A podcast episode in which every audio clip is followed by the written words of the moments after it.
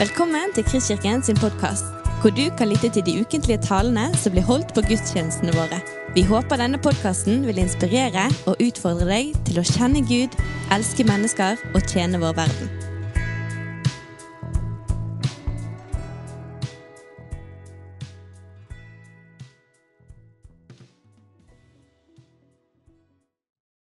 Tenkte på det vi sa Gud, du er nåderik. Og denne gudstjenesten må sies å være innholdsrik.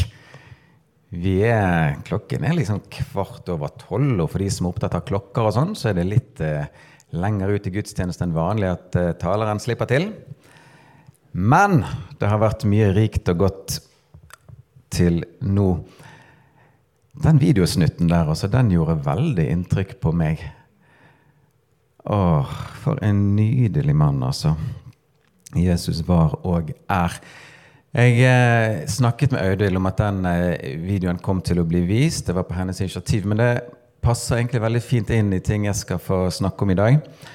Eh, for noe av det aller fineste og vakreste med Jesus, det er å se hvem han løfter opp og fram som eh, forbilder for oss som ønsker å følge han.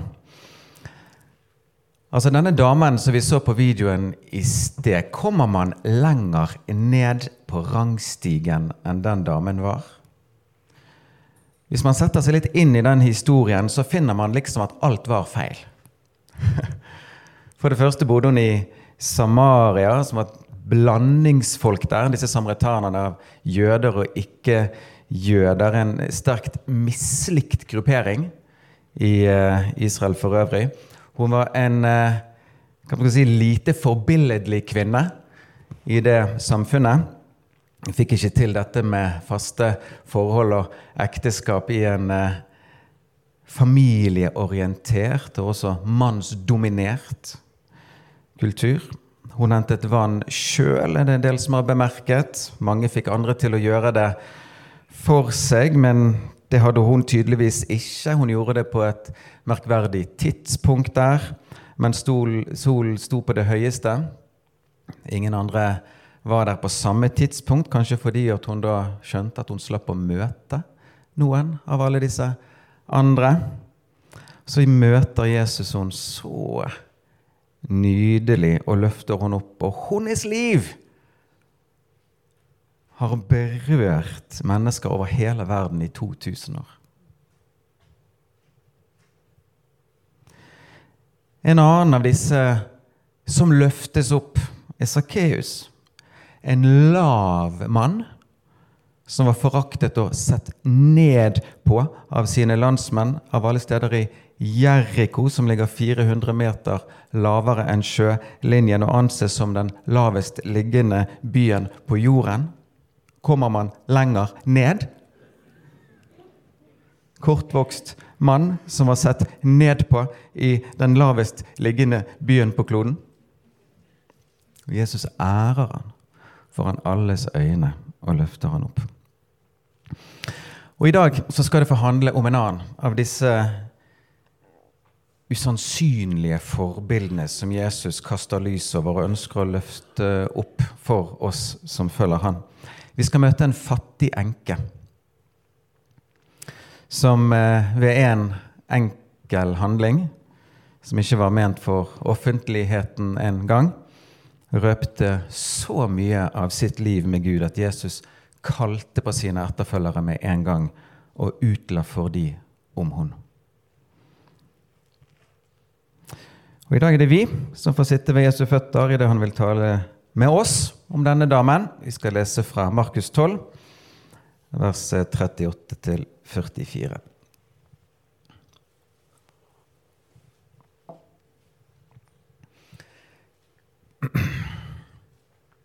Mens han lærte dem, sa han, ta dere i vare for de skriftlærde.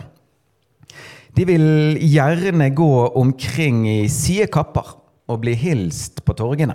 De vil gjerne ha de fremste seter i synagogene og hedersplassene i gjestebudene. De eter opp enkers hus, og for syns skyld holder de lange bønner. de skal få dess hårdere dom. Og Jesus satte seg rett imot tempelkisten og så på hvordan folket la penger i kisten, og mange rike ga mye. Da kom det en fattig enke og la to skjerver, det er én øre. Og han kalte til seg sine disipler og sa til dem, Sannelig sier jeg dere, denne fattige enken har gitt mer enn alle de andre som la i tempelkisten. For de ga alle av sin overflod, men hun ga av sin fattigdom alt det hun eide, alt det hun hadde å leve av. Ta dere i vare for de skriftlærde, sa Jesus. Så hvem er så disse? På norsk kan dette ordet forlede lite grann, eh, for det er lett å tolke det raskt dit hen som at dette her er datidens teologer og prester, og det er ikke helt uriktig. Eh, de hadde helt klart opplæring og innsikt i Skriftene, men bare ved å gløtte litt grann bort på det engelske språket, så settes vi litt mer på sporet av hva de skriftlærde virkelig holder på med. Der kalles de scribers. Dette var ikke bare de som kunne skriftene, dette var skrivere. For å tydeliggjøre enda litt mer dette var skrivelærde. For å bli en skriver, en skriftlærer, måtte du gjennom lang utdanning, og med tiden ble du ansett som har et lite stikkord en slags jurist. Med stor kunnskap om lov og rett og med myndighet til å utarbeide juridiske dokumenter og kontrakter, sånn som ved f.eks. ekteskap, skilsmisse, lån, salg, arv osv. Helt kort, fariseerne på sin side utøvde en mer overordnet ledelse, religiøst og politisk. Jesus refset også de, og mye av refset går der på måten de leder på, leder folket på. Men å gjøre denne distinksjonen har en viss verdi i dagens tekst. For det med å forklare hvorfor Jesus refser disse juristene for å ete opp enkers hus. For å sitere Gunnar Jonstad, førsteamanuensis på NLA, i stedet for å føre enkers sak en henvisning her til Jesaja 1,17. Og ivareta deres interesser eter de enkene ut av huset. Det vil si, de utarmer enkene ved å ta deres etterlatte eiendom til personlig berikelse. Sitat slutt. For selv med et eh, avansert lovsystem for hjelp til enker kunne her henvist til flere forordninger fra Moseloven, så fantes det sleipe folk på Jesu tid òg. Så her var det mulig å utnytte, utnytte situasjoner til egen fordel. Men to ord om enker på Jesu tid. Det skal sies at ikke alle enker på Jesu tid var vanskelig stilt. Jeg har måttet lese meg litt opp på det opp mot denne talen her, og vi ser at det her var absolutt ikke mennesker uten rettigheter, og særlig velstående enker kunne langt på vei fortsette sitt liv som før. Men andre var ikke like heldige. Ved ektemannens bortgang forsvant òg regelmessig inntekt. Mannen var i mange tilfeller husholdningens forsørger. Og hadde man ikke barn som nå kunne forsørge, ja, men da ble det enda mer vanskelig. Og for de som er godt kjent i Guds ord, så vet man at det tales ofte mye om enker. Og det er enker i denne situasjonen man ser at menigheter i Nytestamentet blir spesielt bedt om å være god mot og var for. To eksempler. Apostles gjerninger 6. Jeg vet den første menigheten i Jerusalem. De holdt på med matutdeling til enker.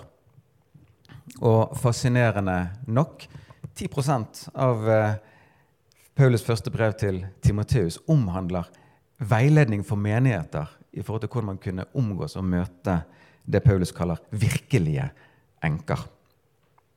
Og enken i dagens tekst er blant de fattige enker. Vi vet ikke mye om henne, men akkurat det står. Hun er blant de fattige enker. Og Jeg har lyst til å bare lyst til å bare så inn en, en, enkel tanke før vi fortsetter her. Jeg tror vi har kanskje lett for alle sammen å se for oss her en eh, gammel og skrukkete og litt sånn krokbøyd dame som slipper i tempelkisten noen av de siste slantene hun får ha i hendene og rå over i sin levetid på jorden. Men det, det, det står det ingenting om. Kan det være at eh, dette er en ung enke som har med seg to barn? Vi vet ikke. Men om ikke vi vet mye om hennes liv, så settes vi på sporet av hennes trosliv.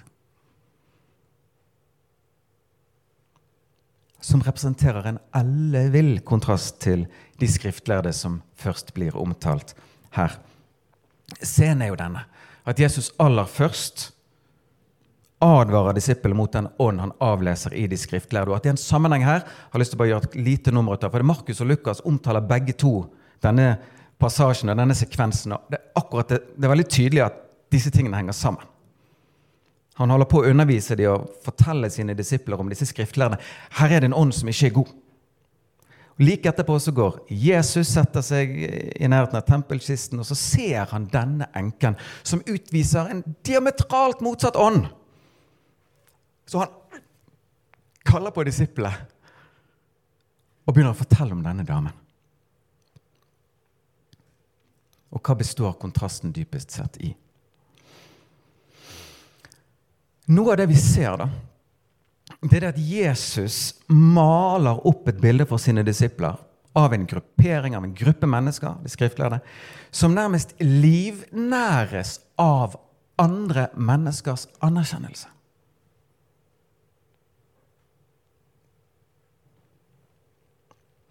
De vil gjerne gå omkring i sidekapper og bli hilst på torgene. De vil gjerne ha de fremste seter i synagogen og hedersplassene i gjestebudene. De sidekappene vitner for alle om posisjon og betydning. Det gjør ikke de noe å bruke de. De vil gjerne gå omkring med de. Å bli hilst på torgene, anerkjennende nikk, ja, gir en følelse av å være aktet, ha posisjon, være respektert og være viktig. Å sitte på fremste seter i synagogen betyr status og synlighet. Det samme med å sitte på hedersplassene, gjestebudene. Dette er mennesker som både liker og trenger å bli sett av andre mennesker. Og det er vel ikke helt ugjenkjennelige ting for oss som er her i dag. Men ta dere i vare for de skriftlærde, sier Jesus. Og Her ligger det flere ting. For det første handler det helt klart om usunt lederskap. De som kalles til å nære og styrke, suger i stedet til seg. Hører vi etter, så ligger det egentlig noe sånn sørgelig umodent i akkurat det også. Er mor til for barnet, eller er barnet til for mor?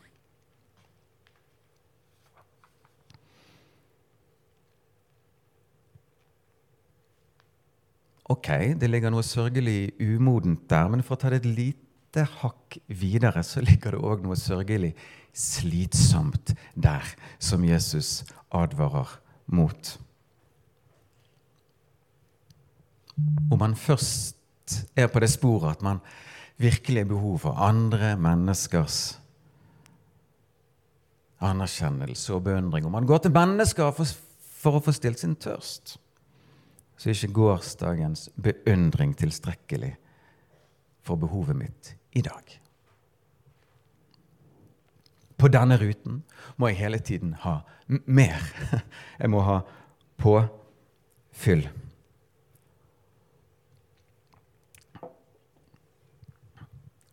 En ting er, som Jesus tar opp her, at det virkelig ikke er bra å gå med nesen i sky og utnytte andre, men man vikler seg òg fort inn i et merkelig forhold med sine medmennesker, hvor man har en sånn kan man kalle det en sånn jojo-tilværelse, hvor man hever seg over og legger seg under nestemann hele tiden.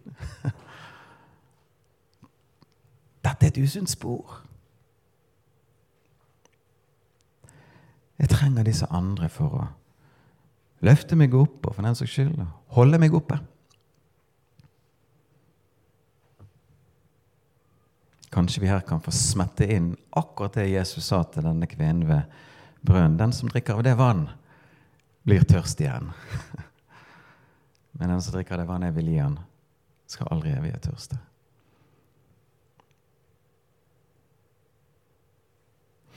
Og det vet, Jesus' store mål med sine venner, med sine disipler og med oss, det er å få hjelpe de oss inn i en trygg tro til Gud.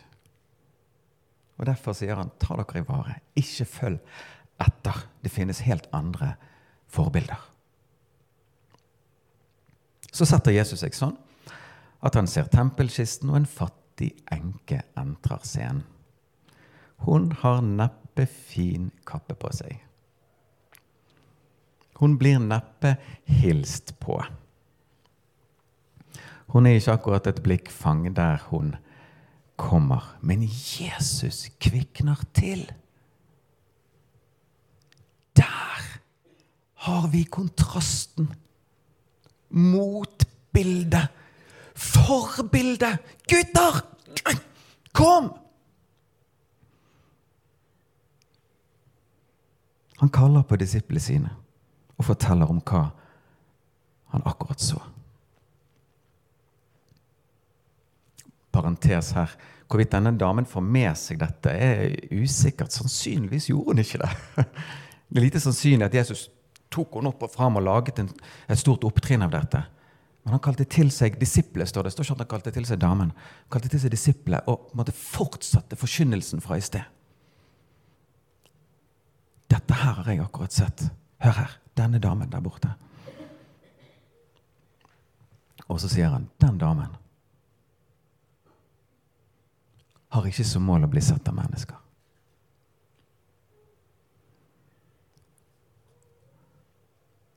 Hun levde for Guds øyne og ikke for menneskers øyne. Og for en utrolig befriende kontrast til de Jesus akkurat hadde omtalt.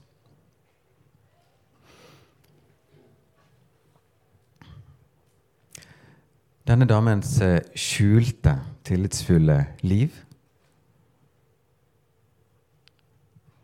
Hun lot seg ikke der livnære av andre menneskers tanker om hun. Hun hentet identitet og anerkjennelse fra en helt annen. Og Det er noe veldig veldig vakkert her at dette skjulte livet er jo ikke skjult. Det er bare synlig for en annen. Men for det andre noe av det Jesus merker seg her. Uten å rope så røper hun med en enkel og nesten usynlig handling hvem som er hennes livnærer. Hennes forsørger. Tidligere var det kanskje hennes mann. Men hun satte ikke lenger sin lit til mennesker. Hun så heller ikke på pengene hun rådde over, som sin egentlige forsørger. Denne damens forsørger var Gud. Tenk på her at Det ikke er helt utenkelig at hun lar seg inspirere av denne enken i Sarepta. Kjent historie fra Israels gamle tider. Som ga det lille hun hadde, til profeten. Og jo mer hun ga, jo mer ble hun til del. Kanskje hadde hun skjønt noe de skriftlærde ikke hadde skjønt, nemlig at den som samler til seg sjøl, aldri får nok.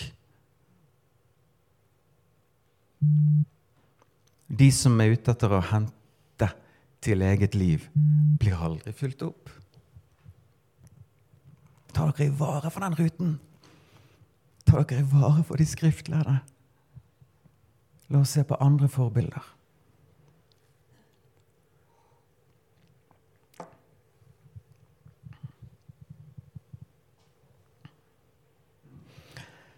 Jo mer og mer jeg har dykket i denne fortellingen Det første som møter oss når vi ser på dette, er jo liksom en historie om pengeforvaltning. Lett å snakke om penger. ja. Men jo mer og mer jeg dykker, så det akkurat som dette handler ikke først og fremst om penger og beholdning, men om hjerter og holdning. på en måte.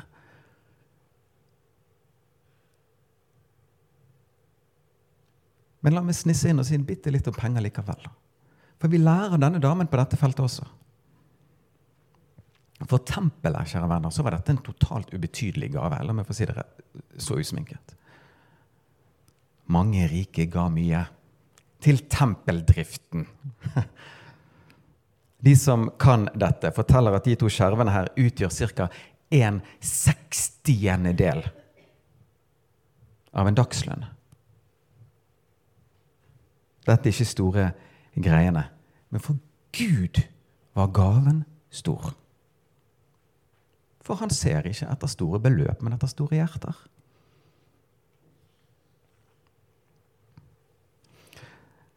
Og akkurat her kjenner jeg jeg får lyst til å si det inn og så det inn, at det ligger et så utrolig befriende forbilde for oss òg. For noe av det denne damen formidler til oss og kommuniserer, det er det at til oss andre som òg er med å gi til forsamlinger og gudshus. da. Det er at dette dypest sett får være noe som man gir til Gud. Og Jeg tror det ligger en nøkkel her. Altså, for å være veldig konkret da, så tror jeg det kan være en skummel rute at man havner i et sånt forhold til Når man gir gaver til Guds hus, til forsamling, at man blir, har en sånn tanke at man på sett og vis betaler litt for seg. At man havner i et slags kundeforhold. Sant? Jeg gir noe inn, og vi får noe tilbake. Liksom. Denne damen visste at disse Altså, to skjerver, liksom. Hun holdt på med noe helt annet. Dette var en tillitsgave, en kjærlighetsgave til Gud.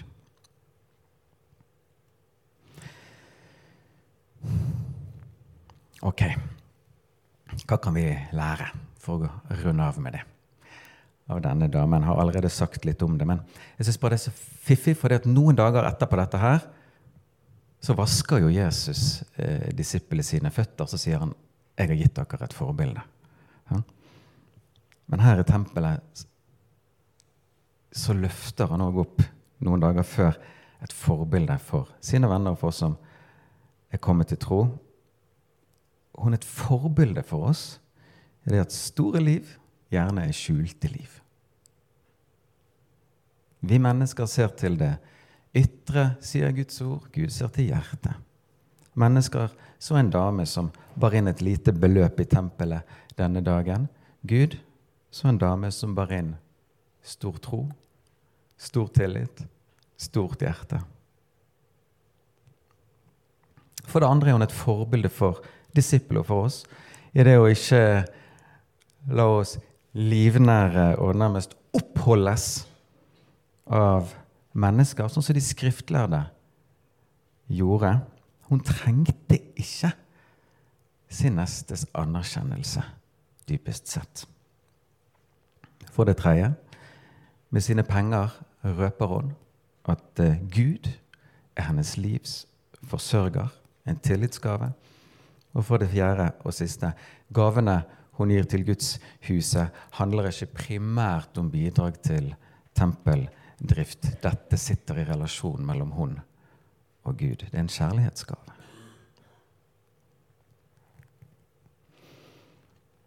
Så noen ruter noen personer skal man ta seg i vare for. Andre kan man med fordel etterfølge. Og ganske ofte i Guds rike så vil vi finne at av forbildene så er det ganske mange usynlige og usannsynlige mennesker. Sånn som denne fattige enken og flere. Og det er virkelig noe av det vakreste Guds rike har å by på. Kanskje var ikke denne fattige enken så fattig likevel. Du har lyttet til en podkast fra Kristkirken i Bergen. Vi håper du har blitt inspirert og utfordret i din vandring med Gud. Vil du vite mer om oss, så klikk deg inn på kristkirken.no.